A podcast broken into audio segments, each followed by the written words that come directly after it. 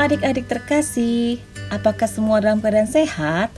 Semoga kasih Tuhan selalu menyehatkan jiwa dan raga kita karena berkat setiap hari yang diberi oleh Tuhan kepada kita semua.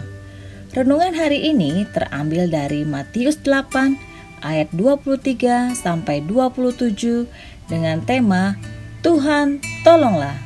Semoga renungan ini dapat menjadi berkat bagi kita semua.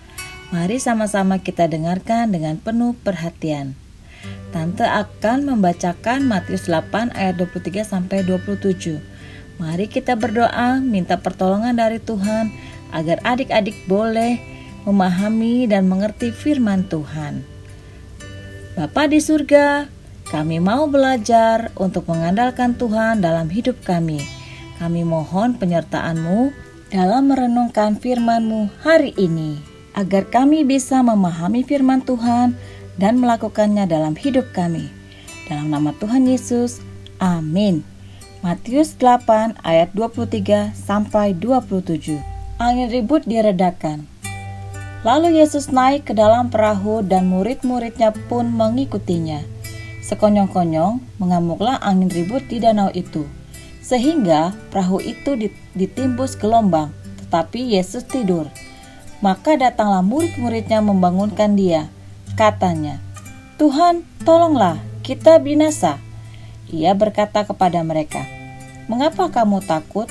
Kamu yang kurang percaya. Lalu bangunlah Yesus menghardik angin dan danau itu.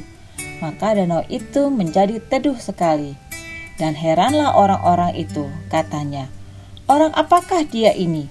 Sehingga angin dan danau pun taat kepadanya. Demikianlah firman Tuhan.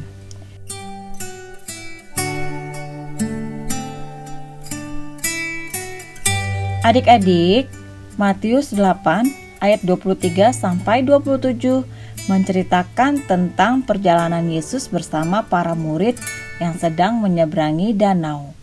Saat itu, Tuhan Yesus dan murid-muridnya berada di atas perahu di tengah danau. Tiba-tiba, angin ribut melanda perahu mereka. Perahu yang mereka tumpangi hampir tenggelam. Air sudah masuk banyak ke dalam badan perahu. Mereka tahu bahwa angin ribut itu akan segera menenggelamkan perahu mereka. Mereka berusaha mengendalikan perahu dengan mengeluarkan air yang masuk, tapi perahu tak bisa menahan angin ribut. Peristiwa ini mengingatkan bahwa sering kali ketika menghadapi persoalan, kita bersikap seperti murid-murid Yesus yang tidak percaya dan melupakan bahwa Tuhan ada bersama-sama dengan kita. Ketika ada masalah, maka rasa cemas dan takut membuat kita lupa bahwa Tuhan selalu beserta kita dan akan menolong kita. Sama seperti ketika Yesus dan murid-muridnya menyeberangi danau dan pada saat itu Yesus sedang tertidur di perahu. Datanglah angin ribut. Datangnya angin ribut tersebut membuat murid-murid Yesus dipenuhi ketakutan yang luar biasa. Para murid merasa sangat ketakutan dan panik dan menganggap mereka akan segera tenggelam. Namun, ketakutan yang dialami oleh murid-murid berbeda dengan keadaan Yesus yang ketika itu sedang tertidur. Ketakutan murid-murid yang luar biasa menutup iman percaya mereka bahwa ada Tuhan di dalam perahu tersebut. Ketika mereka membangunkan Yesus, maka Yesus menunjukkan kuasanya dengan menenangkan angin ribut tersebut. Adik-adik, belajar untuk tidak takut menjalani hari-hari adik-adik dalam kondisi sulit apa pun. Sebab ketika dekat dengan Tuhan akan ada ketenangan menjalani kehidupan adik-adik semua. Ingatlah bahwa Tuhan selalu dekat dan Dia mengetahui segala pergumulan hidup kita. Datanglah kepadanya di dalam doa, dan Tuhan akan memampukan kita mengatasi segala masalah.